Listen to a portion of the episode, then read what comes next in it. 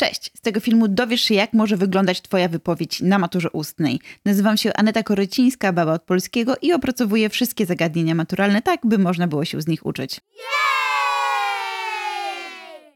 Odpowiedź na pytanie, w jakim celu idealizuje się bohaterów, którym trzeba się odnieść do kroniki polskiej Gala Anonima, może wyglądać tak. We wstępie można powiedzieć, że artyści w swoich utworach często stosują idealizację bohaterów. Zabieg ten ma na celu stworzenie wzoru do naśladowania postaci, ukazywane są wtedy jako wolne od wad, ich życiu towarzyszą cuda i zwykle są to ludzie w pełni oddani Bogu. Zawarta w dziełach literackich wyjątkowość i świętość poszczególnych bohaterów służyła przede wszystkim tworzeniu panteonu. Dzięki niemu ludzie mogli na prostym przykładzie poznać cnoty, którymi należy się kierować w życiu. Przejdźmy teraz do rozwinięcia, w którym odwołamy się do lektury obowiązkowej. Gal Anonim w Kronice Polskiej opisał losy potomków Piasta. Szczególną uwagę poświęcił Bolesławowi III, czyli Krzywoustemu. Historia cudu narodzin Bolesława została opisana już w pieśni poprzedzającej Księgę Pierwszą. Rodzice władcy błagali Boga o to, aby dał im syna. Odlali ze złota figurkę przypominającą człowieka i podarowali ją wraz z wieloma innymi bogactwami świętemu idzie mu w intencji narodzin potomka. Kiedy posłańcy zanieśli dobra do samej Prowansji, mieszkający tam mnisi przez trzy dni pościli. Natomiast zanim wysłannicy zdążyli wrócić do Polski, żona Władysława zaszła w ciążę. Tym samym Gal Anonim przedstawił Bolesława jako człowieka zesłanego przez samego Boga. Nie bez znaczenia były także opisy rodziców przyszłego króla. Gal Anonim Opowiedział m.in. o dobroci matki Krzywoustego. Była ona miłosierna, pomagała potrzebującym i nawet wykupiła chrześcijan z niewoli, a także o rycerstwie ojca Władysława.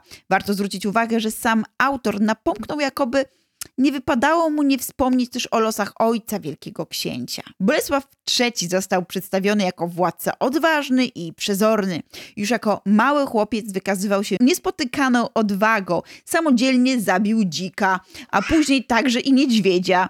Kiedy natomiast podrósł, ruszył na Pomorzan i sprawił, że zburzyli oni swój gród z obawy przed nadchodzącą zgubą. Dzięki temu jako bohater wyróżniający się na tle zwykłych ludzi, no bo przecież jego narodziny zostały wymodlone u samego Boga, stał się dla Gala Anonima niemalże postacią kultową. Oprócz tego Bolesław był także wzorem do naśladowania jako rycerz i władca. Był sprawiedliwy i całe swoje życie poświęcił walce w imię Boga. Ruszał na pogan nie po Ruszał na pogan nie po to, aby zyskać łupy, lecz aby ich pokonać i nieść w świat Bożą chwałę. Następnie wprowadźmy kontekst, ale tak by był on funkcjonalny. Podobne zabiegi mające na celu idealizację bohatera zastosowano w legendzie o świętym Aleksym. Tak samo jak w przypadku Bolesława, narodziny Aleksego związane były z osobistą prośbą skierowaną do Boga.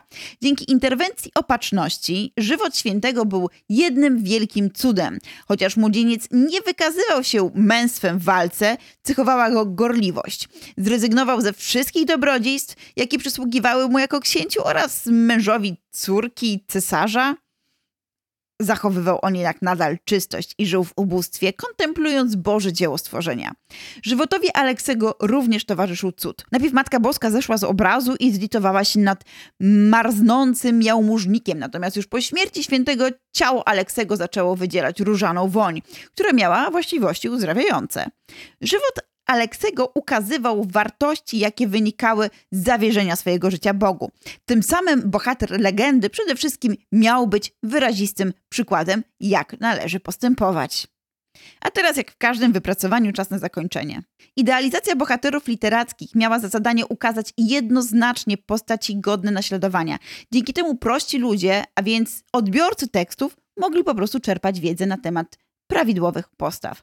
W zakończeniu możecie jeszcze przypomnieć, co mówiliście o legendzie o świętym Aleksym, chociażby, czy co mówiliście o Bolesławie z Kroniki Polskiej.